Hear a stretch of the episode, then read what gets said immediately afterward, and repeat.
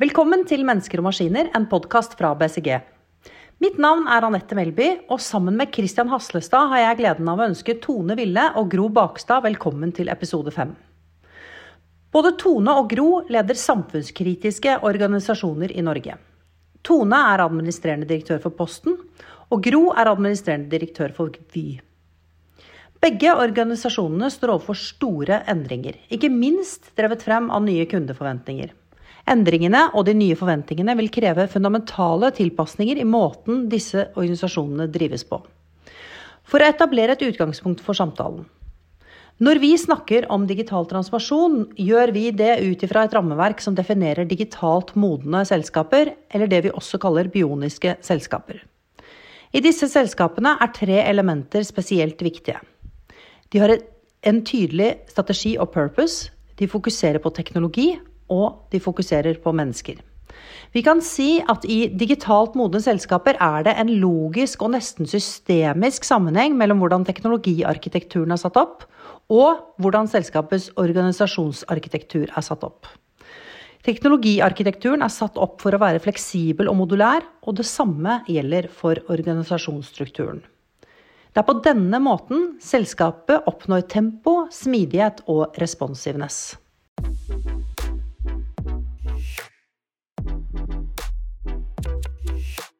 Hvis vi kunne begynt med deg da, eh, Tone.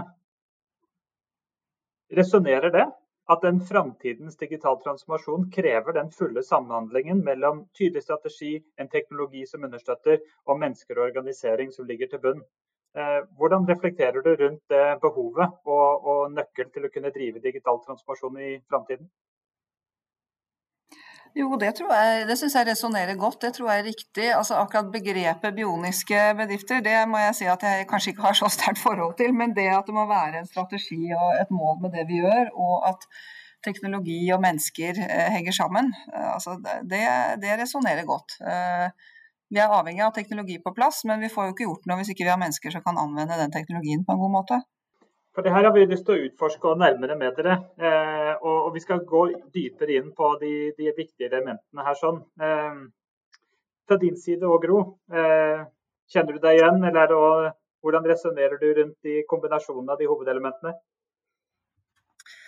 Absolutt, det henger veldig godt på greip. Eh, teknologi det påvirker hele markedet vi opererer i. Eh, det påvirker de, det påvirker løsningene, det påvirker kundene, det påvirker hvordan vi skal levere, eh, levere til kundene våre. Så ja, dette, dette, henger veldig veldig tett sammen. Kjenner veldig godt det igjen. Selv om jeg også begrepet bioniske, det er nok eh, heller ikke noe som, som er eh, Det er i hvert fall ikke der vi er i dag, men vi kan ha et eh, godt mål om å komme dit.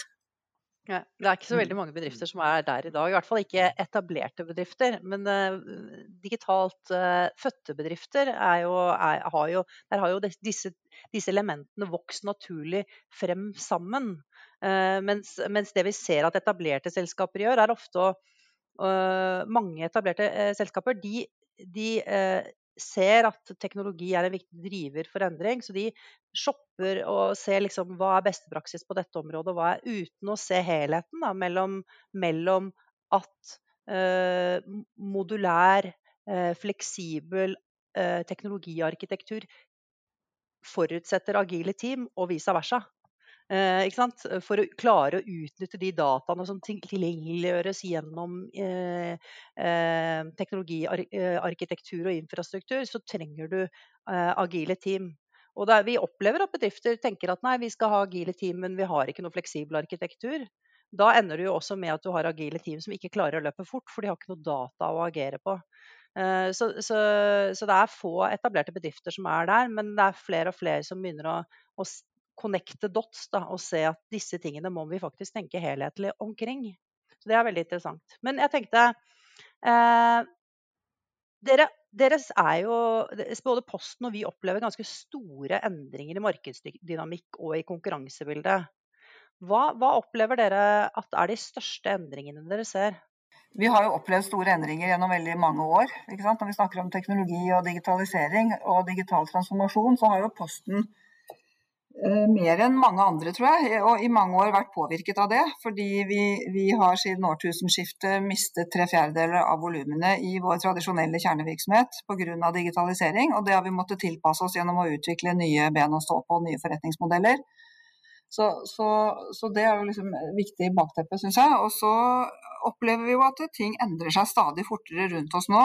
Har, nå har vi jo etter hvert utviklet en eh, solid logistikkvirksomhet som nå står for over 75% av omsetningen vår i fjor. Så vi er jo for alle praktiske formål mer en logistikkvirksomhet enn en postvirksomhet. Og post er jo for øvrig også logistikk. Og i den logistikkbransjen som vi konkurrerer i, så er det jo mange sånne digitalt fødte aktører, som du sier, som, eh, som vi merker konkurranse fra, kanskje, og særlig i de store byene. Eh, så det skjer jo utrolig mye i konkurransebildet. Og så har vi jo opplevd en enorm vekst i netthandel i året som har gått. Eh, forsterket av koronapandemi og stengte, eh, stengte butikker.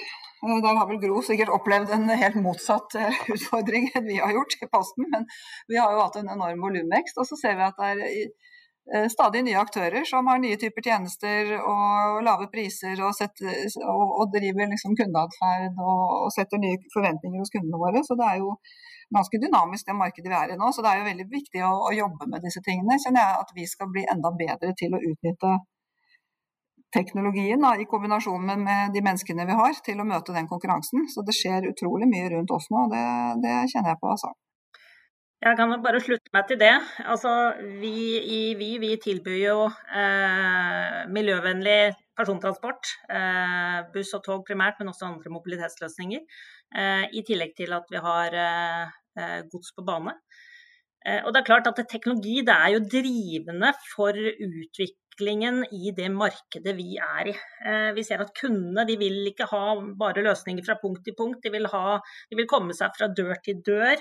Eh, det, det, setter krav til liksom, måten de kjøper, det, kjøp, kjøper tjenestene på, hvordan det blir tilgjengeliggjort gjennom reisesøk osv. Det setter krav til kundeinformasjon på en helt annen måte. Eh, det, det, det påvirker, eh, påvirker, driften vår. Det gir helt andre muligheter på mange områder. Eh, nye kjøretøy, nye løsninger. altså Vi holder på å eksperimentere og teste ut selvkjørende teknologi. Skal til Kongsberg neste uke. og Der er det da første buss i rute helt uten vert selvkjørende. Det er noe vi er med på sammen med Brakar og Applied Autonomy. Ehm, det er on demand-løsninger, altså mer fleksible kollektivløsninger som vi holder på å eksperimentere med. Ehm, så, så dette, dette, er veldig drivende, teknologi er drivende for det markedet vi er i. Og så er det selvfølgelig også rammebetingelsene og det offentliges rolle eh, er også utrolig viktig. Og, jeg tror nok også fremover så, så, vil det fortsatt være veldig viktig, og vi kommer til å se mye samarbeid på tvers i den bransjen vi er i. Veldig spennende. Altså, dere, de markedene, eh, altså det, er, det, er, jo interessant å tenke hvordan ser disse markedene ut om fem år. Eh, og, og, og det, de markedene dere opererer i, de har jo endret seg mye de siste fem årene. Og de kommer sannsynligvis til å endre seg enda mer de neste fem årene. Eh, hvor viktig er strategi og purpose i en, eh, en sånn kontekst? Altså, Gro, du nevnte i et intervju med DN at du var opptatt med å, å, med å få strategien og fremtids Eh, eh, fremtidsvyene til å sitte i ryggraden til hele organisasjonen. Det, det er super, det, det syns jeg er veldig veldig interessant. Eh, dere er jo egentlig litt avhengig av å få til det begge to i selskaper hvor, hvor endringstakten er så, gøy, er så, høy. Kan dere ikke fortelle litt om hvordan dere gjør det? Jo, altså det, det, det å en, det, Dette å sette retning og sette en strategi, det er jo ikke det er jo ikke på samme måte som det var for mange år siden, hvor man satte kanskje en treårsplan eller en femårsplan. Eh, vi forsøker å være tydelig, veldig tydelige på retningen vår. Eh, altså å, vi skal gjøre det enkelt å, eh, å, å velge miljøvennlig, eh, men det er, jo, det er jo enda viktigere enn noensinne at man har en, en, en, en iterativ prosess, at man har hyppigere sykluser hele veien. Eh, For det, det, det, en, endringene skjer så raskt, markedet endrer seg så raskt, omverdenen endrer seg. Så du, du, du, kan ikke ha de lange planene som du hadde tidligere. Men det er veldig, likevel veldig viktig å sette en rett, retning og, og, være tydelig eh, på den. Og, og, og, sørge for at vi omsetter mål til handling. Og der, der det er ekstremt viktig å nå, nå helt ut. Eh, det hjelper ikke at vi i konsernledelsen står der med ropert eh, og flotte powerpointer. Det må helt ut i ryggraden i hele organisasjonen. Mm. Jeg er veldig enig i det, det, Gro sier der. Jeg tror Det å ha en strategi og en purpose for å sette retning, hvor skal vi, og få en forståelse helt ut for hvor vi skal og hvorfor vi skal dit. Og så må vi finne ut av hvordan vi kommer dit sammen. Uh, og da må vi jo helt, nå helt ut, som Gro sier. Altså. Og, så må vi uh, Jeg er helt enig i at det og Der er vi nok i litt sånn endrings... Eh, altså, verden endrer seg så fort. Og det å få hele organisasjonen med på at strategiarbeid nå er noe annet enn det var før, det er også liksom en, en, jobb, på en måte. Fordi vi er, vi er, så vant til å legge planer, vi er vant til å tenke langsiktig, og vi er vant til å planlegge langsiktig for en del av omstillingene våre. Men nå er vi nødt til å innrette oss sånn at vi har en felles forståelse av hvor vi skal, hva er målet vårt, hvorfor skal vi dit. Uh, og så må vi evne å tilpasse oss de endringene som skjer underveis. Eh, men, men det, er, veldig viktig å ha et mål altså, og noen sånn kjøreregler i form av eh, ja, kultur og verdier og retningslinjer for hvordan vi skal opptre. Men, men det er ikke sånn at vi eh, på toppen vet hvordan vi skal komme dit til enhver tid. Eh, og det må vi klare å få organisasjonen med på. Det syns jeg vi faktisk eh, historisk har vært ganske gode på, og også veldig gode på nå under pandemien. Så ser man jo det til det fulle. Da. Det er kanskje litt sånn norsk og skandinavisk eh, lederstil og kultur òg. At folk er vant til å ta beslutninger der ute. Når våre førstelinjeledere står der og har eh, fire ganger så mange pakker som skal hjemleveres som de, vant, som de, hadde forventet og skulle hatt 80 varebiler til, som ikke de har, så, så, er de jo nødt til å tenke smart for å få de pakkene ut av likevel. Og det har de faktisk vært veldig gode til å gjøre. Hvis det var beslutninger som måtte langt opp i strukturen og ned igjen før de klarte å løse det, så hadde det jo ikke funket. Så jeg tror det er stadig viktigere å få eh, si, bemyndiget organisasjonen til å ta beslutninger. Og jeg tror at vi er ganske gode på det i vår tradisjonelle driftsorganisasjon. Og så kan vi bli bedre på det på en del andre områder. Eh, og når vi snakker om utvikling og alle snakker jo om agile team, og vi har vel noen agile team som fungerer bra, og noen som kunne fungert bedre hvis de hadde hatt litt bedre premisser og, og styring rundt seg. Da. Men, eh, men, jeg tror det med strategi og purpose og felles forståelse for det, det er liksom helt avgjørende. Altså. Hvis ikke vi har det, så tror jeg vi går i sirkel. Det er litt sånn når du er på fjellet, du må vite hvor du skal når du går fra hytte til hytte, men akkurat hvordan du kommer dit, det kan det være mange måter å komme dit på, avhengig av vær og føreforhold. Men uh, du må vite hvor du skal, altså. Mm. Ja, Strategien er jo som en slags kompass. ikke sant? Det viser deg retning, men uh, du vinner ikke orienteringsløpet med bare kompasset. Du må sette på deg skoa og, og, og være i form uh, for, for, for, for, å nå målene dine. Og, og det, er jo, det, er jo, jeg tror det, det, er uansett i den verden vi lever nå, eller øh, sånn, sånn, sånn det har vært før, det er det, det, å få med seg folk. Altså involverte, bemyndigende medarbeidere er gode medarbeidere. Eh, og det å sørge for at eh, alle, alle skjønner, skjønner purposet vårt. Det at de, at de skjønner, forstår den retningen og er med på det. Um, og jeg tror nok altså, Det holder liksom ikke med, med topplederne ned til nivå tre. Uh, mellomlederne representerer, og, og, og førstelinjelederne representerer en utrolig endringskraft hvis du får de med på, på, på, på å løpe. Og Eh, tradisjonelt så tror jeg ofte det brukes for mye tid i, på en måte i toppledelsen og til og med nivå tre på strategi. Og så brukes det kanskje for lite tid ut i organisasjonen. Eh, for det, det, hvis du har mellomlederen med, det kan også være en veldig sånn konserverende kraft da, hvis du ikke har de med. Eh, og, og det, sånn, sånn, har det på en måte alltid vært. Og det tror jeg også, eh, sånn er det også i, i, eh, når vi snakker om digital transformasjon og det vi har eh, foran oss av endringsreiser. Mm. Jeg må bare komme med en liten digresjon. Jeg hadde, jeg hadde en samtale med Chief Customer Officer i John Lewis. Og snakket om hvordan er det man egentlig liksom Man snakker jo om at, at selskaper i dag i mye større grad må være besatt av kunden, eller mye sterkere grad av kundeorientering enn man hadde bare for fem-ti år siden. Og så nevnte han at f.eks. For, for retailere så betyr det jo bety, handler det ikke bare om den kundereisen kunden har fra han har begynt å utforske et produkt til han, har, han eller hun har kjøpt produktet. Det handler også om liksom hele bilen hjem. Og så nevnte han at f.eks. sånne banale ting som at uh, sjåførene har hundekjeks i bilen uh, i tilfelle det er en hund på tunet. Og så må jeg le, for to dager etterpå så kom posten utenfor her, og så har jeg hund. Og og sjåføren hadde hundekjeks. Uh, så det var veldig, så jeg tok bilde av han og sendte han til, til en av dine, uh, Tone. Men, men sant, det er veldig den derre delight og virkelig Apropos det der at, at, visjonen og purpose må sitte helt ut i siste ledd. Uh, og det siste leddet er i ferd med å bli et av de viktigste leddene, ikke sant.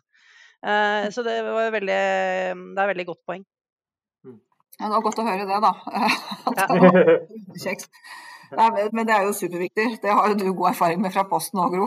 Få med deg folk i en stor driftsorganisasjon. Men det er, eh, det er superviktig. Altså, det hjelper ikke at vi sitter her oppe i et eller annet hjørne i et stort kontor og, og, tenker at dette skal bli fint, hvis ikke vi får med oss eh, de mange tusen ansatte som skal gjøre jobben. Mm. Ja, for Det dere veldig, som begge beskriver der, er jo det med viktigheten rundt en, et formål, en purpose og en strategi, en retning å gå, samtidig som en tilpasningsevne. Som er jo enorm endringstakt som ligger nå. Um, og Det er jo en balanse også som en skal legge til rette for. Eh, og, og Gro, du satte også ord på det. Er det noen konkrete eksempler som du, som du, ser som du har tatt opp i forhold til hvordan du har stått i å kommunisere og rekke ut til hele organisasjonen for å stå i akkurat den balansen der, ehm, og kunne best mulig trekke på organisasjonen? Det, det handler jo om, og jeg tror det er, det er viktig å, å tenke kommunikasjon, eh, internkommunikasjon, da, eh, som dette handler, og, og handler om. Og, Eh, og det å få med seg folk eh, Man, må tenke på, på, på, flere lag. Eh, det å få med Det å sikre at man har arenaer hvor, hvor, hvor, hvor, man møtes og, og, har dialoger og diskusjoner. At man tør å være åpne og tar opp dilemmaer og, og, og utfordringer. Vise den transparenten. Eh, det å, det å, ha altså walk the talk, eh, et tydelig resultatfokus, eh, sette, sette mål, sette handling og handlingsplaner. og at du, du, følger det opp. Du viser at du, du, mener det du sier. Og når du er ute, på, ute og besøker en eller annen driftsenhet, at da, altså, da snakker vi om det. Og jeg, jeg, husker eh, Jeg har jo dessverre ikke fått kommet så mye rundt i Vy pga. koronaen. Men jeg husker når jeg jobbet i Posten, og uansett hvor vi var, om vi var i Finnmark eller Lindesnes, så tok lederne, førstelinjelederne opp eh, KPI-kartet og handlingsplanen sitt og var veldig stolt av det. Og, det, det. og, vi snakket samme språket uansett hvor vi var i organisasjonen. Og den kraften som ligger i det, det den, den, og, og, alle, alle, visste hvor vi skulle, selv om det var utrolig smertefulle omstillinger. Så visste man hvorfor. Man forsto hvorfor man måtte gjøre det, og hvorfor vi måtte gå dit. Eh, så, så, så ha med seg det der tror jeg er, er viktig. Få det helt ut. Mm. Og Det krever jo at man har med seg hele lederlinjen, tenker jeg. da, og, den, og, Da må lederne også føle på det ansvaret og oversette det budskapet til egen målgruppe. For Det er klart det er jo litt annerledes å kommunisere det til eh, en gjeng med postbud som blir påvirket av en omstilling hvor halvparten blir overtallig, og å snakke til en eh, UX-designer som sitter i et team og skal jobbe sammen med en rekke andre folk for å utvikle en ny tjeneste. så retningen er den samme, men konsekvensene eh, blir jo ulike, og veien dit er ulik. Så det å, å ha ledere som er litt opptatt av kommunikasjon, da, og, og, klarer å oversette de viktige budskapene til sin, sin medarbeidergruppe, er, er, også viktig, tenker jeg. Man, man kan ikke bare liksom peke på internkommunikasjonsansvarlig og håpe at det er løst gjennom å legge ut noe på intranettet. Man må sørge for at lederlinjen eh, fungerer som kommunikasjonskanal. Og da må man jo ha de rette lederne. For man får ikke gjort ting å ha gode folk rundt seg. Jeg syns det er veldig interessant det du sier der. for hvis, hvis, vi skal liksom oppsummere de samtalene vi har hatt hittil i denne podkasten, eh, og de menneskene som har vært eh, hittil, inkludert dere, så tror jeg et kjennetegn er at, at alle har vært ganske gode til å fortelle eh, eh, gode narrativer om fremtiden. Formidle gode narrativer om fremtiden. Uh, og det er jo, jeg tenker jo at det å være en god transformasjonsleder handler jo om å, det handler veldig mye om å skape den entusiasmen for endring. For at det å, at det å endre seg ikke nødvendigvis er noe negativt. Uh, og det å klare å tegne det uh, fremtidsbildet. Så det er et veldig godt poeng at at, og, og liksom hvordan ting endrer seg, vil jo, som du sier, Tone, variere avhengig av hvilken del av organisasjonen det er snakk om. Men, men fortell en historie som overordnet da alle kan relatere seg til.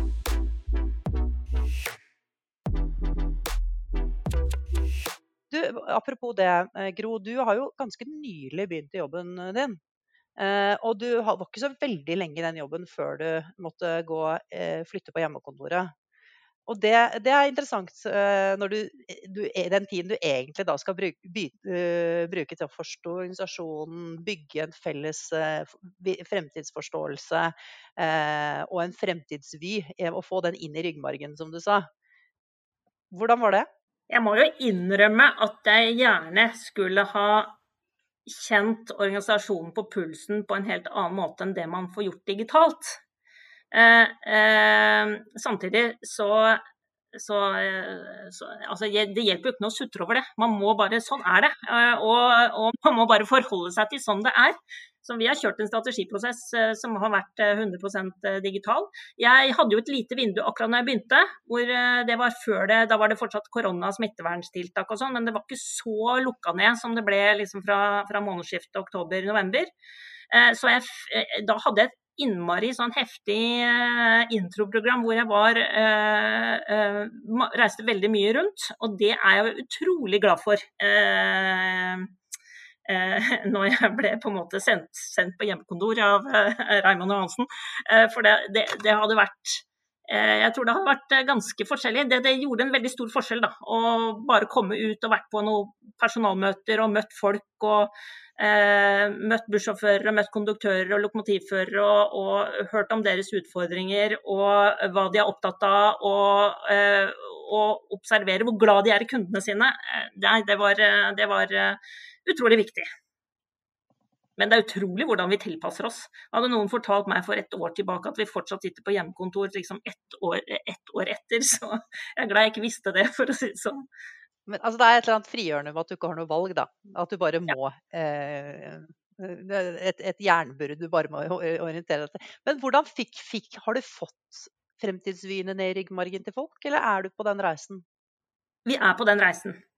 Eh, og jeg tror det, det å Det å eh, eh, involvere folk, eh, det, det, jo, det, det, er nok, er nok ikke eh, Vi klarer det, men, men, sånn som situasjonen har vært akkurat nå, med korona, hvor vi har måttet gjøre så mange tilpasninger altså For oss er jo dette utrolig eh, krevende og kritisk eh, med så få passasjerer. Eh, og det å tilpasse virksomheten vår hele tiden, passe på smittevern, eh, gjøre de endringene vi er nødt til å gjøre i hele, hele virksomheten vår for å tilpasse oss, det, det, er klart det har vært en, og er en veldig ekstraordinær situasjon eh, nå. Eh, men samtidig så syns jeg vi har fått gjort veldig mye. Altså det har vært en utrolig trøkk i hele organisasjonen, til, til, selv om vi sitter spredt og digitalt. Eh, og opplever en veldig sånn, veldig sånn energi. Eh, så, så, jeg tror Ja, men jeg vil jo si vi er på vei. Ja. Og, og, og, hvis vi kan og Det er jo en reise. og om dere da har kompasset, men dere har sett, satt dere mål, og så er dere nå på vei for å bruke det, det bildet du tegna på før. Eh, når vi snakker om organisasjon, så er det en kombinasjon av en tydelig ledelse, som dere satte ord på. Eh, det er et arbeidssett, og det er en organisering som legger til rette for en, en, en, en ramme for å best mulig trekke potensialet ut av, av organisasjonen. Hvordan har du gått inn i kombinasjonen av de Eh, for deg? Og, og, er det noen konkrete eksempler du ser hvordan de tre faller sammen for å legge til rette for en autonomi og, og, evne for organisasjonen til å da etterleve den framtidsvyene som blir satt? Ja, jeg kan jo, jeg kan jo begynne. Nei, ja, vi, vi har jo eh, eh Vi har jo eh, satt Innovasjon er jo satt veldig tydelig på, på, på agendaen. Eh, og vi er nødt til å ha eh, en kraft i, i eh, vår fornyelse og vår innovasjon, både når det gjelder på tjenestesida, men også på, på driftssida. Og, og, rett og slett få de verktøyene vi trenger å få på plass for å levere enda mer effektivt og, og, og robust nye tjenester er utrolig viktig. Nye prismodeller, sånn som smartpris f.eks. holder vi på å teste ut. Det er en løsning fordi når vi er på hjemmekontor, så er jo ikke, er jo ikke månedskort nødvendigvis den beste løsningen for kundene våre. Eh, da må vi kanskje tenke på nye prismodeller. Eh, vi, vi, vi, vi, tester og vi piloterer, og vi må være forberedt på å, eh, å feile. Eh, og vi må være, vi må, vi må eh, være villige til å kill over darlings og, og, gå videre og teste og feile på nytt. Det er jo en del av hverdagen. Så det å jobbe godt på tvers i organisasjonen, jobbe godt tverrfaglig og det er, ikke, det er jo ikke å samarbeide på tvers for, å, for samarbeidets skyld, det er jo for at vi skal være mest mulig effektive, levere de beste mulige løsningene, få med kompetanse fra ulike deler av organisasjonen fra start. Eh, og, eh, og, og, også sikre eierskapet. Eh, så, så, så, det å sette sammen team og jobbe godt på tvers, som f.eks. når vi jobber med selvkjørende busser, så er jo det både kjernebusskompetanse, og så er det fra, fra, teknologisk kompetanse og innovasjonskompetanse. Så det, det, det, det å, å, å samle, samle, oss og, og, og, nyttiggjøre oss av den, den kompetansen vi har samla sett, det er utrolig viktig fremover. Det vil bli enda, enda viktigere. Ja, og, og prøve, prøve, å feile òg den, den, tverrfagligheten som du setter ord på der. Ja, Tone? Ja, nei, Det er vel kanskje ikke så helt ulike. men jeg tror det, man, kan jo, man, kan jo, tenke på om man har riktig struktur. Men jeg tror jeg har etter hvert eh, begynt å tenke at arbeidsform er vel så viktig. Altså Man må jo tro at man har riktig struktur. men men klart, Vi har nesten 13 000 medarbeidere, og, og, vi må jo ha en eller annen form for en struktur på de. og jeg tror Uansett hvilken struktur vi velger, så er vi nødt til å få til at folk jobber godt sammen på tvers, som Gro var inne på. Eh, vi har, eh, eh, vi har sterke fagmiljøer en del steder, men, men, det er ikke sånn at alle enheter kan ha et helt komplett eget fagmiljø på alle områder. Så vi er nødt til å trekke på de sterke fagmiljøene, og vi er nødt til å sikre at folk jobber godt sammen. Hvis vi, hvis, vi, skal utvikle en ny tjeneste, så er vi også veldig opptatt av, og det har vi jo vært noen år, altså å endre prosjektmetodikken vår fra at du skal ha tenkt ut alt sammen før du får bevilget penger, til at du må starte med å prøve og feile og utforske hva kunden egentlig syns om de ideene du har. Og Noen ganger syns kunden at de er helt strålende, andre ganger så syns kunden at det var helt håpløst. og Da må man jo tørre å ta livet av de, som Gro var inne på. Um, men, men, vi ser jo også det at hvis vi skal utvikle en ny tjeneste som handler om uh, ja, hvordan, kunden, hvordan, skal vi legge til rette for at kundene får velge hvor de vil ha levert pakken sin, så må vi jo ha noen som kan tjenestestrukturen vår og prismodeller og vet hvordan man driver med det. Vi må ha noen som kan jobbe godt i det digitale brukergrensesnittet og utvikle noe som faktisk er lett forståelig og lett anvendelig. Men så må vi ha med oss folk fra, som kan verdikjeden vår og driften vår. Og kanskje skal vi ha med et bud eller en sjåfør som kan teste ut hvordan dette funker. Vi skal ha det inn i deres eh, digitale rutebok, kanskje. Så, så vi er nødt til å jobbe tverrfaglig hele veien. Så det har vi jobbet ganske mye med de siste årene, og blitt bedre på det. Og jeg syns at vi er ganske gode på det på noen områder, og så kan vi bli bedre på andre områder. Og derfor så ser vi jo også nå på om vi mer metodisk da skal skalere det med agile i mangel av noe mer ord. Jeg er litt sånn ambivalent til det ordet. men, men, men liksom smidige arbeidsformer, da. Og da tror jeg vi må ta inn over oss også at hvis vi skal ha mange av disse tverrfaglige teamene som skal jobbe over tid med, med, dedikerte oppgaver, så må vi også ha tenkt gjennom hvordan skal vi styre de opp. Uh, hvordan skal vi sikre at de er godt koordinert på tvers. Så det er mange ting der å, å jobbe videre med. Men, men, men, jeg tror at hvis vi skal klare å jobbe raskt nok og møte konkurransen nok med nye, både nye tjenester, men de krever jo også ofte store omlegginger i drift. ikke sant? For det er ikke bare bare hvis du som kunde skal ha pakken din et eller annet sted, så er det jo ikke sånn at vi til enhver tid bare kan ombestemme oss og hive den pakken et annet sted, uten at vi har systemer som fanger, opp, fanger den opp. Ehm, så er vi nødt til å klare å jobbe godt på tvers. Og, og, og ikke fordi at samarbeid i seg selv skal være et mål, men, men der hvor det er nødvendig å gi best mulig resultater, så må vi få til det.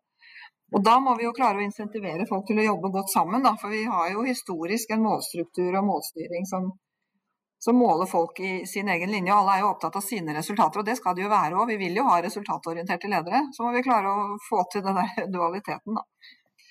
Som, øh, ja, som av og til kan være en utfordring, men som også man kan klare å finne gode løsninger på. Det er veldig spennende.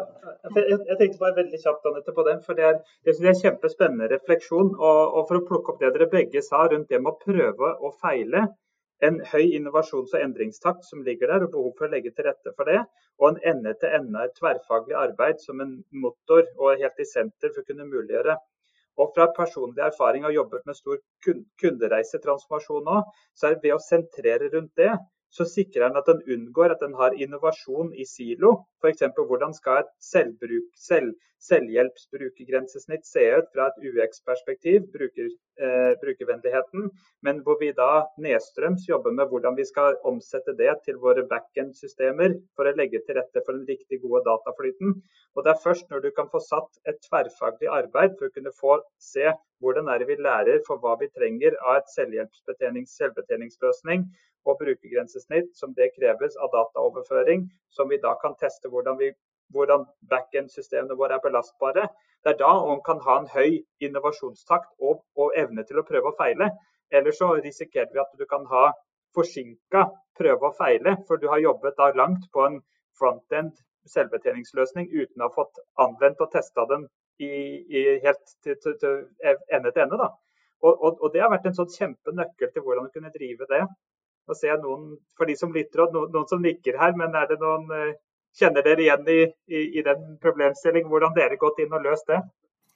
Kjenner ja, det ikke det igjen, ja. Mm.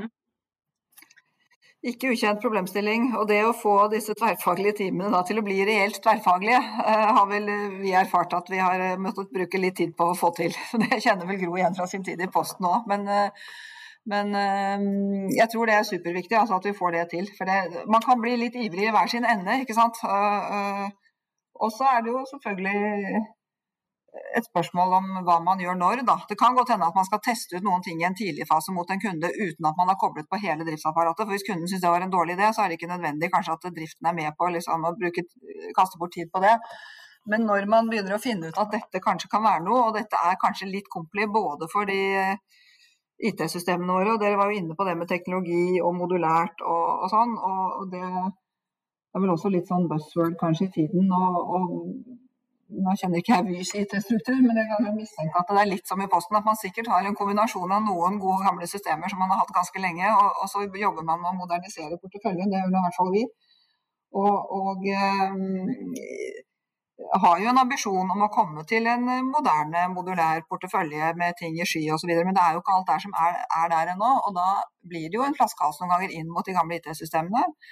Eh, så det er noe vi må løse. Og så må vi få med oss driften på at dette faktisk kan gjennomføres. Og da må jo driften også være innstilt på at de av og til må finne nye løsninger. Eh, for, fordi det er det kundene faktisk vil ha. Så det å få hele det der samspillet til å fungere, det er utrolig viktig. altså. Og å få til det ende til ende. Og det tror jeg kanskje er litt erfaring hos oss. Vi, vi har jo, En av grunnene til at vi fikk denne kåringen som Norges mest innovative virksomhet, eller begrunnelsen til juryen, var jo litt todelt. Det ene var at vi har utviklet en prosjektmetodikk som handler om at vi begynner med å prøve å feile sammen med kundene. Og så utvikler vi det gradvis før vi eventuelt skalerer. Og det andre var de eksemplene som de har sett på ting vi faktisk har gjort, eh, som handler om nye tjenester. Om det er utvikling av Paxtam har vel vært nevnt, og digitalt frimerke og forskjellige andre typer tjenester. Men en læring fra det, som jeg sånn i ettertid skulle ønske at jeg så tidligere, det er at vi, vi, skulle satt den metodikken mer i system. Hva betyr det for lederne våre, og hva betyr det for styringen vår? Det, det kjenner jeg at Og det holder vi på å jobbe med nå, da. Men det å få det til å bli reelt ende til ende og følge opp det, det, det, det er ikke gjort over natten, for å si det sånn. Nei, og det, det, er mer komplisert enn på papiret. Eh, også, mm. historisk så jobbet man jo liksom med, på, på IT-siden også mer sånn, som en sånn slags servitør. ikke sant? Vær så mm. god, her er IT-systemet som du har bestilt. Eh, etter min vurdering så er dette en utmerket rett som, som du nå kan fortære. Eh, det er ikke sikkert at den som skal fortære den syns den er så, så, utmerket, men da er IT løpt av gårde til et annet sted, for det er, det er knappe ressurser, og de har mye annet å gjøre. Men det å da eh, skjønne at når en ting er lansert, så er vi ikke det, ikke sant? Nå, nå, nå, nå prøver vi å teste på et mye tidlig stadium. og det å at du, du, er ikke ferdig når noe er lansert. Eh, da, er vi nesten, er vi nesten på begynnelsen. Eh, mm. Vi må jobbe hele tiden med kontinuerlig forbedring og ta dette helt i mål. Eh, og Det gjelder både på tjenestesiden, eh, men også når vi er altså jobber med nye digitale løsninger, teknologiske løsninger, løsninger ute i drifta. Det er jo Alle har, har, har vel på en måte vært borti prosjekter som har eh, ikke gått så bra, i, i, og, og, ting som ikke, ikke, helt landet så raskt og så bra som man ønsket. Og jeg tror nok det at når man ikke forstår prosessene så, så, og forstår altså hvordan forretningsprosessen er bygd opp, da, eh, så, så, så eh, mister man også forståelsen av brukerne eh, av de nye løsningene. Eh, man må jo få brukerne med seg, enten brukerne er kunder eller brukerne er medarbeidere. Eh, så, så eh, det å på en måte altså, jobbe ende til ende, også over tid, da, som, som Tone var inne på. At ikke, at du slipper noe å løpe videre. Det, det tror jeg bare blir viktigere og viktigere. At du har disse familiene som jobber sammen. Uh, uh, og disse, disse, disse små, små, små, altså disse kohortene må på en måte holde sammen og jobbe sammen over tid. Og så må man være også alignet på tvers mellom de ulike teamene. Mm. Og så tror jeg at det du sier, også sånn, IT-utvikling, eller teknologiutvikling, da, historisk så var det jo sånn at man leverte en eller annen kravspekk, og så kunne man ha en diskusjon rundt hvordan den egentlig så ut. Og, og sånn, og så gikk det liksom et par år, og så hadde du kanskje bestilt den der biffen, da, men kanskje du har blitt vegetarianer innen den der retten er ferdig, holdt jeg på å si, to år senere. Og da vil du ha noe annet. Jeg tror det å klare å, å, å jobbe sammen over tid, og så er det klart det er litt avhengig av hva du driver med. da, Hvis du skal skifte ut et ERP-system, så er vel det kanskje en litt annen eh, type prosjekt enn hvis du holder på å skal utvikle nye tjenester. Men, men, der også skjer jo endringer fortere enn før, og, og man er nødt til å, å sikre at ting øh, øh, ja, jeg følger med i tiden, på en måte. Da, at vi klarer det. Så jeg tror tempoet rundt oss ser så mye raskere, og det også tvinger frem at vi er nødt til å jobbe raskere og mer dynamisk. Altså, da må vi klare å få få den eh, som man historisk har snakket om IT og forretning, og nå snakker vi liksom litt bredere ende til ende. Vi må klare å få de, de, de tverrfunksjonelle teamene til å faktisk bli reelt tverrfaglige. Og de gangene vi får til det, og, og også de gangene hvor de teamene er og på en måte hatt riktig lederstøtte, da, så har det fungert bra. Det har vi jo sett også på andre, noen eksempler hvor vi har eh, har, har fått til ting veldig raskt. Vi etablerte eksempelvis et, et utleveringsnett med, med sånn si, post i butikk-type nett i Sverige her da, for ikke så lenge siden. Og Det gjorde vi faktisk veldig raskt. Da hadde vi et veldig godt tverrfaglig team, og de hadde den nødvendige lederstøtten til å få nødvendige avklaringer underveis. Uh, uten at de da trengte å komme til konsernledelsen med liksom 40 sider powerpoint og be om lov til eh, neste skritt. på en måte. Så jeg tror hvis vi, hvis vi, har de rette folkene og de rette styringsmekanismene, så er det utrolig mye man kan få til, også i store virksomheter. Men det er litt mer krevende, altså. For vi har jo en litt sånn annen legacy enn disse digitalt uh, Hva kaller vi det på norsk? Innfødte, eller hva det er for noe? Fødte. Fødte, ja.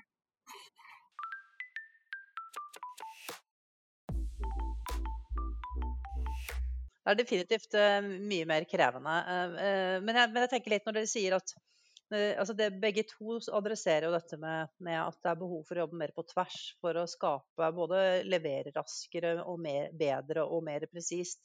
Men en ting som, som, vi ser mer og mer, er jo at, at, at, at man derfor enten skalerer agilt eller smidig, eller hva vi kaller det, ut i større deler av organisasjonen.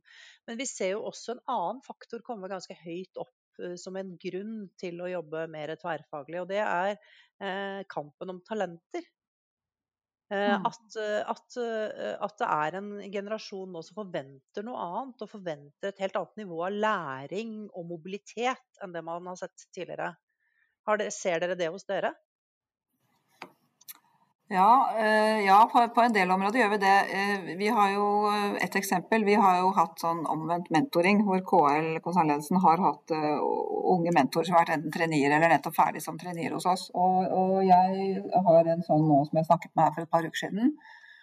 Og han sitter som leder for en forretningsenhet nå, da, ferdig trainee for et par år siden for en mindre forretningsenhet. Og han er ekstremt opptatt av teknologi og robotisering, og sitter i en enhet hvor det har vært veldig gammeldagse systemer. Nå jobber de litt mer sånn strukturelt med det. Men eh, så, så, snakket vi litt om hvordan han jobbet med det, og han jobber jo, så vidt jeg kan forstå, i hvert fall, uten at jeg er noen ekspert på agilt tagning, han er veldig opptatt av å jobbe sånn. Og har, Han har teamet sitt, han har noen teknologer, han har noen befraktere som har vært der i 100 år, og, og de jobber sammen med hvordan dette skal funke og har tavler og standups og demoer og, og, sånn. Så var jeg litt sånn nysgjerrig på det. Så det, nei, men det var jo sånn han hadde lært på. Han har for øvrig også gått på Handelshøyskolen, men det var sånn han hadde lært at man driver prosjekter nå. ikke sant? Og det var jo ikke, var vel ikke sånn vi lærte i vår tid, men, eh, men eh, han var ekstremt opptatt av det, og, og forstå liksom eh, hvor skal vi, og hvor er den der motorveien som jeg kan kjøre på. Hvor langt, Hva kan jeg bestemme selv, og når må jeg få OK fra IT sentralt fordi jeg vil bruke et annet kodespråk, eller, eller er noe sikkerhetsissues, eller whatever. Det var faktisk litt sånn aha-opplevelse for meg. Altså, fordi vi, vi, det, er noe som Gro sier, det var inne på et sted der man nå helt ut. ikke sant? Vi kan diskutere dette i konsernledelsen, så kan noen synes det er en supergod idé, andre kan være litt sånn å ja, vi jobber jo sånn allerede, eller jeg skjønner ikke helt. Men, men, jeg merker nok at en del av disse unge, de, dels så var han et godt eksempel, og dels så er de nok mer opptatt av autonomi og liksom hvis du snakker altså, øh, De som jobber i de mer sånn kompetansemiljøene, det er kanskje feil begrep, men, eh, men, en del av de som kommer inn med høyere utdannelse og jobber innenfor teknologiutvikling eller, eller ulike spesialistfunksjoner, da, er ekstremt opptatt av det, opplever jeg i hvert fall. Og, og, og veldig opptatt av autonomi og være med å bestemme sin egen hverdag. Og så må, jo, må jo det skje innenfor noen rammer òg, for alle kan jo ikke liksom være da er vi tilbake til det med å forstå retning og mål og strategi. For alle kan jo ikke løpe i hver sin retning. De må jo liksom løpe i samme retning. Men hvis vi klarer å få det der med retning og strategi og litt eh, den der motorveien eller noen sånne handrails på en eller annen måte som sier at du må holde deg innenfor det, så tror jeg at det er mye kraft i det. Og jeg tror det er viktig for å motivere eh, i hvert fall en, en, en kategori av de unge arbeidstakerne. Da. Kanskje ikke alle i samme grad, men eh, en del av dem. Gro? Ja, det tror, jeg, det tror jeg, du har helt rett i. Også, øh, og jeg kjenner det, øh, kjenner det, veldig godt igjen.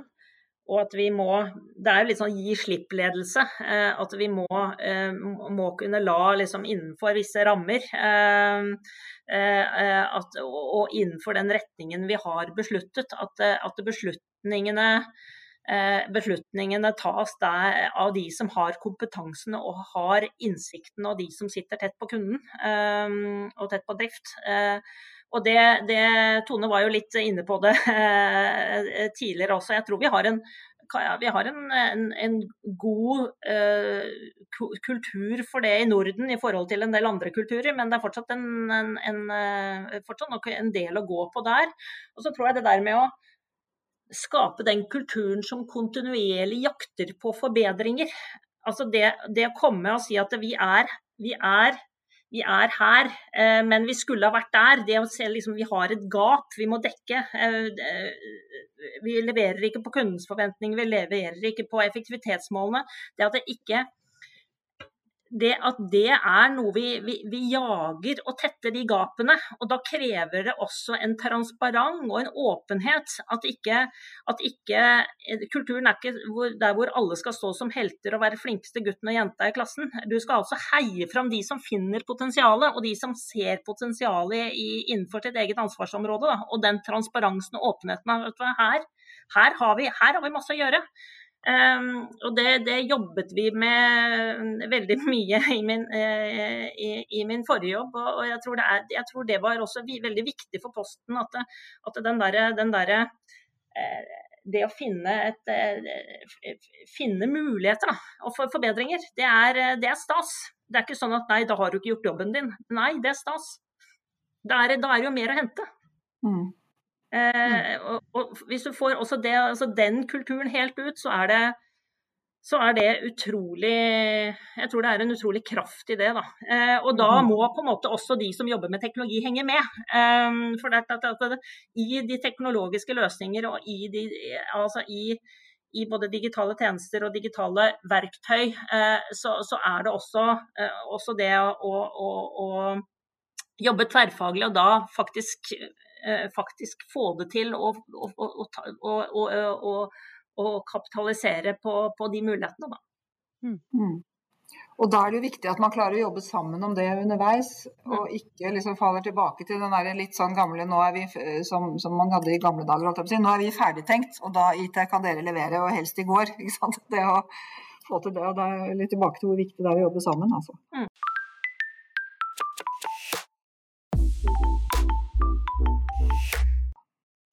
Du, dere er jo begge dere, dere, Vi var jo inne på det i sted, men dere opplever jo veldig en ny type markedsdynamikk, kan du si. At markedet er mye mer flytende enn før. At bransjegrensene viskes ut. At det er liksom vanskelig å, altså, det er vanskelig å forutse hvordan markedene, i hvert fall Posten, opererer i. Vil se ut om fem år. Eh, også, og, så innen e-handel så ser vi at, at, det er mye dynamikk og nye konstellasjoner mellom, aktører som kommer, kan komme fra logistikk, teknologi og e-handel f.eks. Og det er litt uforutsigbart hvilke, hvilke liksom posisjoner de tar i fremtiden. Hvem er det som blir commodified, og hvem er det som klarer å ta de strategisk viktige posisjonene. Og Innen transport så ser vi at aktører øh, posisjonerer seg for å bygge en plattform, gjerne på toppen av logistikkaktørene. Eh, hvilken, øh, hvordan tar dere det innover dere, og hvordan agerer dere på det?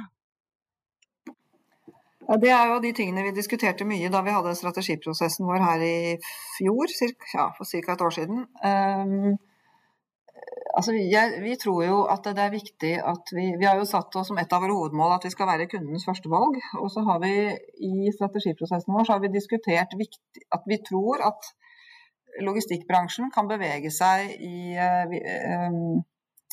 uh, ja, gå to skritt tilbake, kanskje. Vi, vi jobbet mye med scenarioer da, da vi startet strategiprosessen vår. og da mm diskuterte vi hva er liksom de viktigste usikkerhetene og de viktigste tingene vi må, vi må klare å strekke oss mot. Og, og, vi landet på at vi tror at det å beholde nærhet til kunden og det å følge med i den teknologiske utviklingen, det er noe av det viktigste. Så vi laget en sånn uh, ja, to ganger to-matrise med, med, med disse aksene. Og, og, da kommer jo det med sånn plattformteknologi som vi ser at en del nå uh, utvikler. Det, det, er jo både innenfor tungt gods, som, som er med sikte på å erstatte en sånn tradisjonell befrakterfunksjon. De har kanskje ikke kommet fullt så langt. Og så er det mange sånn B2C-løsninger som har det. Og vi tenker at Det er jo noe som kommer, så det må vi jo forholde oss til. Uh, så da må jo vi tenke litt på hvilken posisjon vi skal ta i det. Uh, men, men, jeg tror det aller viktigste for oss er jo å være, følge veldig godt med på hva som skjer og at vi klarer å holde nok tempo i vår egen tjenesteutvikling. Da. Eh, kjernekompetansen vår er jo å være en logistikkaktør og, og, og, tilby gode logistikktjenester. Og så må vi se på om vi skal ta noen posisjon i en sånn plattformøkonomi, kall det det. Vi har jo utviklet og lansert for et års tid siden denne plattformen i Oslo-området som vi har kalt Amoy. Som, frakter, som er litt sånn City as a Warehouse-konsept, som frakter varer fra ulike butikker og hjem til folk.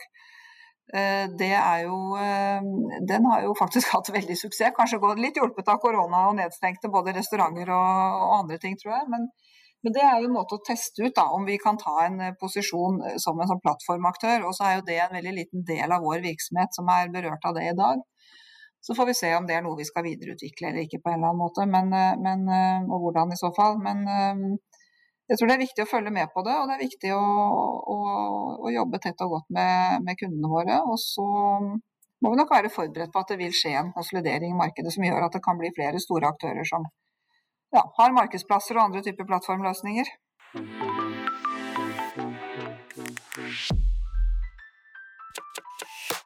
Um, altså jeg hadde egentlig tenkt å stille, stille, et lignende spørsmål, men som var knyttet til at, at liksom, vi snakker jo om agile team for å, for å skape gode, bedre brukeropplevelser. Uh, bruke det som et virkemiddel for å skape prod bedre produkter, mer relevante produkter og mer sømløse bruker- og kundeopplevelser. Uh, og, og, og, det ligger jo også i dette økosystemperspektivet. Nemlig at, uh, at, du knytter til deg partnere for å skape den friksjonsfrie eh, overgangen mellom det du selv leverer og det partnerne dine i økosystemet leverer. Veldig godt eksemplifisert egentlig med det vi var inne på i sted, tone da vi snakket om, om uh, postmannen som leverer hundekjeks, som gjør at jeg liksom får et bedre jeg får et bedre inntrykk av posten, men jeg føler også at den vareleveransen fra eh, Elkjøp, tror jeg faktisk det var da, eh, ble enda bedre. Er det en annen måte å jobbe med partnere nå enn det var før? Tone? Ja, skal jeg begynne? Ja. ja, jeg tror det blir stadig viktigere å jobbe med partnere. At vi trenger vi, vi Eh, at vi ikke være bevisst på hvilken kompetanse vi har, og hvilken eh, kanskje andre har mer av. Og at vi kan jobbe med ting sammen. Jeg tror, eh, det tror jeg blir viktig på mange områder. Og kan si Økosystem er jo blitt litt sånn populært begrep, da, men det er jo litt det vi gjør i, i den Amoy-tjenesten som jeg snakket om. Da. Vi knytter sammen butikker og kunder gjennom en plattform. Vi ser jo på det på mange andre områder. Vi, vi etablerte for et par år siden en sånn venturesatsing eh, som eh, foreløpig er litt i sin spede begynnelse, men som investerer i tidligfase eller startups, tidligfase som virksomheter som jobber med teknologiutvikling innenfor logistikkområdet eller innenfor bærekraft fordi vi tror at det skjer så utrolig mye på den teknologiscenen som er viktig for oss å følge med på. Og vi ser at vi kan ha en rolle i å være med og, og sørge for at den type teknologi blir utviklet. Og vi kan være en god testing ground for disse virksomhetene. Og Det tror jeg er viktig på, på teknologisiden, for å, for å, få en annen type teknologi og se hvordan det kan funke. Og det kunne man selvfølgelig gjort uten å investere, men av og til så trenger disse virksomhetene penger for i det hele tatt komme i gang. Og da må jo noen sørge for at de gjør det. Så det syns jeg er spennende. Og så tror jeg innenfor bærekraftområdet at vi kan oppnå mye ved å utveksle erfaringer. Ved å eh, kanskje gå sammen om å bruke vår innkjøpsmakt for å stille krav til leverandører. Altså jeg tror det er veldig mange områder hvor vi skal jobbe mye mer strategisk og aktivt sammen med partnere enn vi har gjort før. Kjenner igjen det veldig godt. Eh, vi jobber også sammen med andre. Vi har en app hvor vi også tilbyr billetter, reisesøk og billetter, sånn at du kan kjøpe en billett fra der du bor til dit du skal, uh, uten å kjøpe billetter flere steder. Uh, vi har taxi koblet på appen. Vi samarbeider med andre, både teknologiselskaper og andre statlige selskaper, omkring sånn som nye, å utforske ny teknologi, sånn som selvkjørende busser. Eh, on demand-løsninger osv. Når du kommer eh, med tog til Geilo f.eks., at du kan da bestille deg en buss sånn at du kommer helt til hytta eh, og ikke blir stående på stasjonen. Så er, her, her, er det, her kommer til å komme mange nye konstellasjoner fremover. Og, og det tror jeg, tror jeg, bare blir viktigere og viktigere. Eh, også i, innenfor reiseliv, dette med å lage kollektivbaserte rundreiser. Norway in a nutshell er jo noe som vi har holdt på med lenge, men vi har mange sånne forskjellige turer eh, eh som, som vi, vi, leverer gjennom eh, et, et, selskap heter Fjordturs, som er et joint venture med, med Fjord igjen. Eh, hvor vi, vi, har kombinasjonen av Eh, tog og buss eh, og, eh, og, båt. Fantastiske turer. Og det tror vi er et kjempepotensial når endelig turistene kommer tilbake etter, etter koronaen. Så jeg tror det er viktig. Og, og, og, det er klart, for vår del så er jo markedet, markedet er så i bevegelse, og det er så mye som spiller inn. Så når vi liksom legger strategien fremover, så må vi se på vi må se på trender og ulike scenarioer. For det er så liksom, hvordan, hvordan, utvikler kundene seg og kundebehovene seg? Hvordan utvikler teknologien? Hvor fort kommer det? Eh, hvor, altså, forretningsmodeller og konkurranse og, og, også myndighetene og rammebetingelsene. Hvilken rolle tar myndighetene? Eh, eh, det, det, det, er, det, er, utrolig viktig. Så, så vi har, har, lagt vekt på å på en måte se i krystallkula og liksom se på litt forskjellige scenarioer når når vi, når vi setter, setter, retning. Men at vi må, liksom ha, vi må ha blikket retta fremover hele tiden.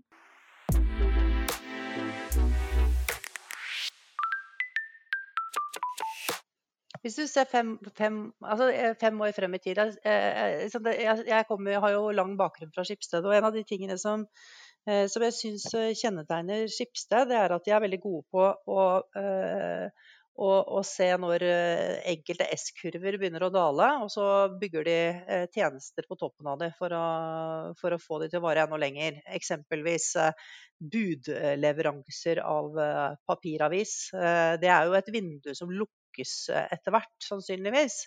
Men oppå der har man bygd uh, helt hjem uh, og distribusjonstjenester eksempelvis. De, og det betyr jo egentlig at Schibsted beveger seg inn i en annen bransje nesten ved å, ved å, å, å gjøre en sånn satsing.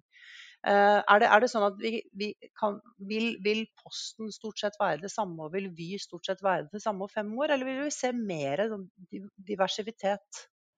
Vanskelig å spå inn i glasskula se om det bare er fem år eh, frem i tid. Men jeg tror at Posten vil være noe annet om fem år enn vi er i dag. Vi er jo noe helt annet nå enn vi var for eh, ja, om ikke fem år siden, så i hvert fall 10-15-20 år siden. Eh, og utviklingen skjer stadig raskere, så jeg tror vi vil være noe annet. Jeg tror at vi også vil være noe av det vi er i dag. Eh, Posten er jo, som jeg sa i sted, altså nå i mye større grad en logistikkaktør enn en postleverandør. Vi distribuerer selvfølgelig fortsatt post, men det er det jo blitt ganske lite av etter hvert. Og det blir det sikkert enda vesentlig mindre av når vi kommer fem år frem i tid. Eh, mens det blir mer logistikk, og jeg tror særlig den B2C-logistikken og C2C eh, kommer til å øke veldig. Og det kommer til å påvirke hvordan vi rigger oss fremover. Jeg tror vi I bunn så er vi jo en, en, logistikkaktør, og vi skal jobbe for å ha de beste løsningene og være i forkant med det. Men om vi også tar da andre posisjoner relatert til, til det markedet, det, det, tror jeg nok eh, kanskje vi vil gjøre. Så vil tiden vise eksakt hva det blir, da. Eh, så jeg tror nok at man vil oppleve Posten veldig annerledes om fem år enn i dag. Det tror jeg faktisk. Men jeg håper og tror at vi er på vi er på vei i den retningen, da. Eh, og da snakker vi jo kanskje særlig på, på B2C hvor det skjer store endringer. Vi er jo en større B2B-aktør enn en B2C-aktør. Det er det kanskje ikke så mange som legger så mye merke til, men det er en vesentlig større del av vår omsetning som går til eh, altså bedrifts... Eh, leveres mellom bedrifter, da. Eh, men det vil helt sikkert skje endringer der også, med ny teknologi, med, med plattformløsninger eh, osv. Men jeg tror nok at eh, det som skjer i konsumentmarkedet vil være med å, sette, å gi føringer for hvordan vi utvikler vår virksomhet fremover. Og det vil nok også påvirke B2B-løsningene, tror jeg. Så man vil nok se at Posten er en, en annen type virksomhet med, med, andre typer eh, og mer helhetlige løsninger som vi lager sammen med andre, forhåpentligvis på et eller annet tidspunkt. Hmm. Gro? For, eh, for vi sin del så eh, vi, vi, vil gjøre det enkelt å velge miljøvennlig. Eh, og, og vil være en ledende aktør innenfor kollektivtransport også om fem år. Det, det, en, det, det tror jeg, og er, det er vårt mål. Og, og, og, som leverer kun, altså gode kundeopplevelser hver dag. enda mer kundedrevet organisasjon. Eh, men som også i tillegg til buss, buss og tog også leverer eh, altså eh, dør-til-dør-løsninger, deleløsninger. Der, der, har vi også Vy bybil som vi har, har, har, startet opp. Og at vi samarbeider enda mer på tvers i bransjen og mellom bransjer, tror jeg. Og så, og så, som sagt, så er det, det er mye som skjer. Eh, og så er det noe som er ganske sånn stabilt. altså Innenfor jernbane f.eks. Der er rammebetingelsene og eh, utfallet av konkurranse og korona og alt dette, det er jo ganske eh, eh det, det, det, det setter, jo, setter, jo, sine rammer. Eh, og så er det deler altså Jernbanen på sett og vis er jo Der er det jo Skal du bestille nye nattvogner, ikke sant, så tar det flere år. Det er mange års bestillingstid. Så det, er, er, er litt sånn eh, absurd, for du er i en verden som endrer seg så fort. Teknologien endrer seg så fort. Så samtidig så er det en, en annen i en verden som, hvor det er så enormt lange ledetider. Eh, og jeg tror jo at jernbanen, med liksom 11 minutter til Ski stasjon, så er det eh, attraktivt med på en måte utbyggingen av intercity. Det er vi trenger tog. Det er arealeffektivt, det er energieffektivt. Jeg tror det, det, det kommer til å bare bli enda Eh, enda viktigere.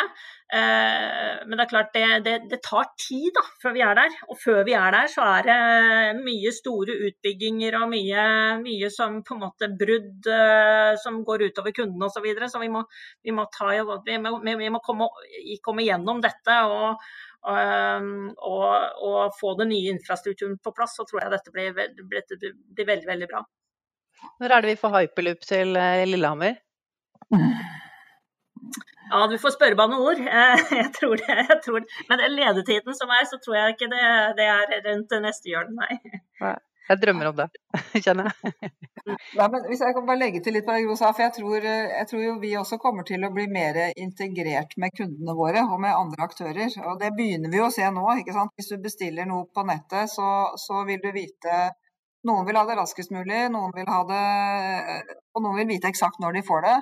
Og for, å, og for, å, få den forutsigbarheten som vi nå har laget en løsning for, basert på de dataene vi sitter på og, og, nettbutikken sitter på, så kan vi nå, hvis vi ønsker å gjøre det sammen, forutse når du er i, i, i checkout, når du får pakken din. Og Den type løsninger tror jeg det kommer til å bli mye mer av. At, uh, vi har jo som visjon å gjøre hverdagen enklere og verden mindre for kundene våre. Og, og det å få til økt valgfrihet og fleksibilitet, som krever en sånn integrasjon på tvers da, mellom uh, oss og nettbutikken og kanskje andre transportører innimellom, det, det, tror jeg vi kommer til å se mer av. Som forhåpentligvis gjør at kundene da virkelig opplever at det blir enda enklere og, og eh, bedre verdiforslag. Samarbeid og det å få til ting sammen med andre, det kommer til å bli viktigere.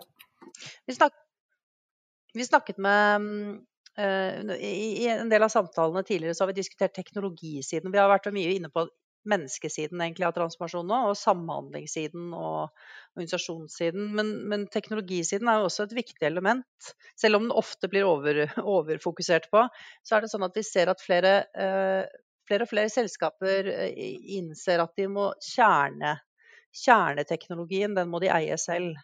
Hvor, eh, hvordan, eh, hvordan, hva tenker dere om det? Er det en eh, transformasjon som foregår hos Posten og vi også, eller er det, er det sånn at Hva tenker dere om det elementet? Jeg tror, jeg tror det er en miks. Jeg tror altså deler av kjernet, det, det utvikler, vi, utvikler, vi, utvikler, vi, selv. Eh, mens, mens, andre deler av eh, IT-strukturen vår Vi har jo vi er jo fortsatt i en, i en, fase hvor vi har en del teknisk, gammel teknisk gjeld. Eh, vi har sant, mye arv, legacy. Så det å på en måte modernisere, fornye IT Eh, strukturen vår og arkitekturen vår, det er fortsatt en, fortsatt en veldig viktig, eh, et, et, en veldig, et viktig, veldig viktig mål som vi jobber med. Eh, så det er, det er nok en, en miks. Ja, jeg tror også det er en miks. Jeg tror nok en del av kjernesystemene våre de skal vi eie selv, og noen av de driver vi og videreutvikler for å få opp i sky. Men vi skal jo eie koden, for å si det sånn. Vi skal jo eie de. Men vi må gjøre en del ting sammen med andre òg. Vi ser jo det på en del satsinger nå. at vi vi tror vi kan få gjort ting raskere hvis vi får inn en integrasjonspartner, eh, kjøper noe standardsystemer. Altså det, jeg, tror, jeg, tror nok, jeg tror nok vi skal eie en del. Men uh, av det som virkelig er uh, kjerne, kjernesystemer, det tror jeg. Men vi må klare å finne den balansegangen som gjør at vi får, også får gjort endringer raskt nok. Da. Så, så vi har vel begynt å snakke mer om at vi, vi må ha et sånt IT-backbone i bunn. Og, Om vi skal eie alt der eller ikke, det vet jeg ikke helt. Men jeg tror vi skal eie i hvert fall en del sentrale kjernesystemer. Og så må vi klare å gjøre ting raskere på en sånn digital plattform som blir mer modulær på toppen av det. Og så er ikke jeg noen teknolog, jeg er ganske interessert i teknologi, men jeg er ikke noen teknolog, så jeg klarer ikke å gå inn i det sånn helt i detalj. Mm. Men, men det er kjempe, kjempespennende å reflektere med dere begge. Eh, to så viktige samfunnsaktører som det dere leder. Eh, hvordan gå inn i den transformasjonen som vi står midt i. Vi har hørt fra dere rundt strategi, eh, sånn purpose eh, viktigheten rundt teknologi, som vi akkurat var inne på, men også i sist og ikke minst menneskeorganisering, og hvordan det er kombinasjonen av det her som er jo de vanskelige, men problemstillingene dere er nå godt på vei og har delt veldig spennende og innsiktsfulle eksempler i dag. Eh, når vi går nå mot slutten, personlig råd til andre som står oppe i en digital transformasjon? Ledere som står midt i det, og andre som går inn. Hva er, eh, hva er noen personlige tips eller råd som dere ville gitt eh, fra deres erfaringer. Eller noen aha-opplevelser som dere har hatt ja. liksom, rundt. Det kan også være interessant. Er det ikke, jeg tenker litt sånn rett eller galt at det handler jo mye om hvordan man skal få til endring, gjør det ikke det? Så jeg tror det må begynne med at man at vi er liksom tydelige på Litt tilbake til der vi startet, egentlig. Altså, hvor skal vi, og hvorfor skal vi dit? Eh, og det å ha ledelsen med seg på hva, hva, som er viktig å få til, og hvorfor vi må få det til, og, og, sørge for at det er noe vi klarer å kommunisere på en god måte helt ut, det tror jeg er viktig uansett hva slags endring vi skal inn i. Og så tror jeg kanskje at øh, det er viktig å ha ledere som er opptatt av teknologi. Jeg tror ikke man trenger å være teknolog, men jeg tror man må være litt nysgjerrig på hva teknologien kan bidra til. Og så tror jeg vel at øh, det å liksom løfte diskusjoner rundt det øh, litt hyppigere og oftere, det tenker jeg at er litt sånn læring for meg i hvert fall. At vi kunne ha gjort på en litt annen måte. Eh, for det blir litt lett at man tar, tar ting litt sånn, tenker at eh, alle skjønner sikkert at dette er viktig, så vi må bare løpe. Men jeg tror det å diskutere ordentlig hva er strategien vår på teknologiområdet, og, og hvordan skal vi sammen klare å, å komme og få komme dit vi vil på det området også. Hva krever det av oss? Krever det at vi må jobbe annerledes? Krever det at vi må ha annen kompetanse i teamene våre? Eh, det er vel en sånn læring fra min, for meg i hvert fall, at det kunne vi ha gjort tidligere og tydeligere. Men jeg tror det grunnleggende er å, å, å, få med seg de folkene man har rundt seg. Altså, man blir jo ikke bedre enn de folkene man har rundt seg, og man må få de med seg. Uh, uh, og, man, man, må få med seg hele organisasjonen. Så jeg tror vi er litt tilbake til der vi startet. Å ha en tydelig retning og, og kommunisere ja, hvor vi skal, skal, og hvorfor vi skal dit. litt enkelt sagt kanskje, men uh, at, det er, at det handler mye om det, da. Ja, jeg tror det handler om å lytte, lytt til kundene. Lytt til folka dine, medarbeiderne.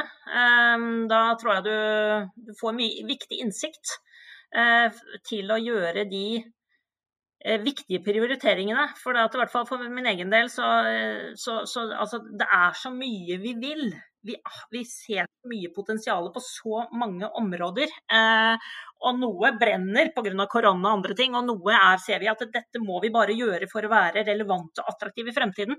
Men det er så mye på tallerkenen at vi er nødt til å liksom eh, altså, dele opp i på en måte spiselige porsjoner. Da. Så det å gjøre den prioriteringen også, basert på at du lytter til kundene dine og lytter til folka dine, det, det tror jeg også er en utrolig viktig lederoppgave. da. Ja. Så, så lett og så vanskelig. Så lett og så vanskelig. Ja, ja. Men det er interessant, for det dere sier eh, det vi, det, vi, ser, er jo at vi ser en, Det ene er at, at eh, kunden er blitt mye viktigere. Altså, før var bedrifter egentlig opptatt av mersalg. Det var, kunden var ikke så viktig, for vi opererte egentlig som monopolister alle som en. Vi opererte i hvert fall i, i lokale markeder eh, og fysiske barrierer. rett og slett. Du måtte ha fysisk asset for å konkurrere. Men, men i dag så, så, ser du at konkurrenter kommer fra alle hold, og de kommer fra alle land nesten. Så du er, så, så du er ikke så beskyttet lenger, så du må være mye mer kundeorientert. Og det andre vi ser er jo at, at du må også være mer ansattorientert. Eh, så, så, det er jo egentlig interessant å, å se liksom, at vi beveger oss i en retning hvor mennesket faktisk I en, en, tid hvor teknologien bare blir viktigere og viktigere, så er det faktisk mennesket som er liksom den, eh, den viktige elementet vi må ha fokus på hele tiden. Og det tror jeg kanskje i begynnelsen av digitaliseringen vi mistet litt fokus på. da. Eh, vi ble for opptatt av apper og, eh, og mistet litt fokus om den viktige, liksom, eh, hva som egentlig er navet i endringene, og som egentlig må til for å skape gode, bærekraftige bedrifter som er relevante for kundene. Så det er veldig gode resonnementer.